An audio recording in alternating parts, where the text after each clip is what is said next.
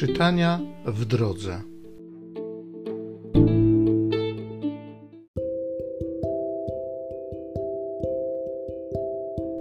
Z Księgi Wyjścia.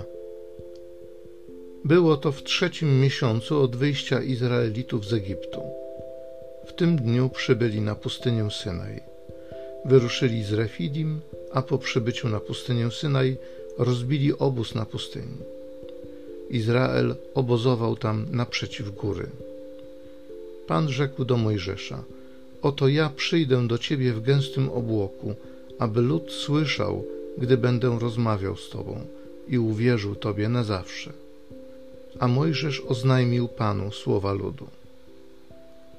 Pan powiedział do Mojżesza: Idź do ludu i każ im się przygotować na święto dziś i jutro Niechaj wypiorą swoje szaty i niech będą gotowi na trzeci dzień, bo dnia trzeciego stąpi Pan na oczach całego ludu na górę Synaj.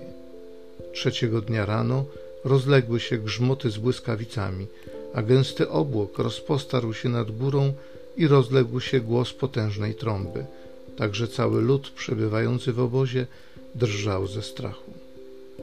Mojżesz wyprowadził lud z obozu naprzeciw Boga i ustawił u stóp góry. Góra zaś Synaj była cała spowita dymem, gdyż Pan stąpił na nią w ogniu i unosił się z niej dym jak z pieca i cała góra bardzo się trzęsła. Głos trąby się przeciągał i stawał się coraz donośniejszy. Mojżesz mówił, a Bóg odpowiadał mu wśród gromów. Pan stąpił na górę Synaj, na jej szczyt i wezwał Mojżesza na szczyt góry.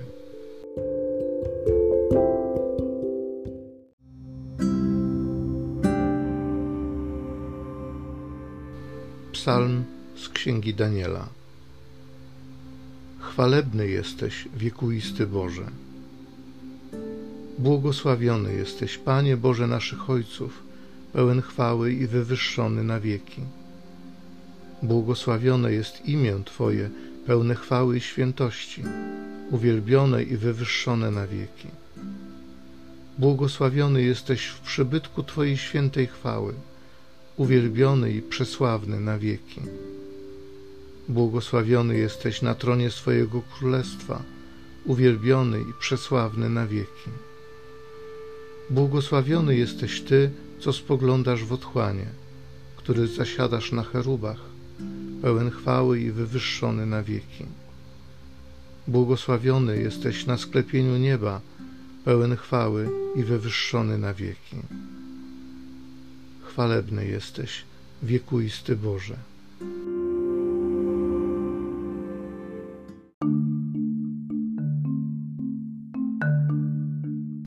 Wysławiam Cię, Ojcze, Panie nieba i ziemi, że tajemnice królestwa objawiłeś prostaczkom.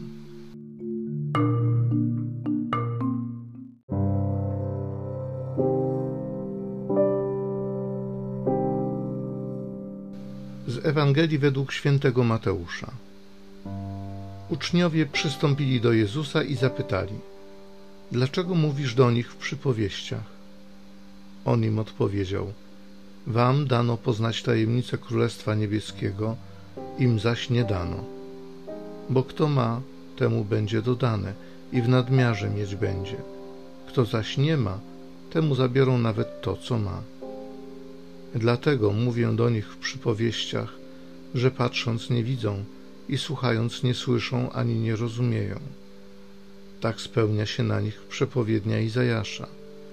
Słuchać będziecie, a nie zrozumiecie, patrzeć będziecie, a nie zobaczycie, bo stwardniało serce tego ludu ich uszy stępiały i oczy swe zamknęli, żeby oczami nie widzieli, ani uszami nie słyszeli, ani swym sercem nie rozumieli i nie nawrócili się, abym ich uzdrowił. Lecz szczęśliwe oczy wasze, że widzą i uszy wasze, że słyszą. Bo zaprawdę powiadam wam, wielu proroków i sprawiedliwych pragnęło ujrzeć to, na co wy patrzycie, a nie ujrzeli i usłyszeć to, co wy słyszycie, a nie usłyszeli.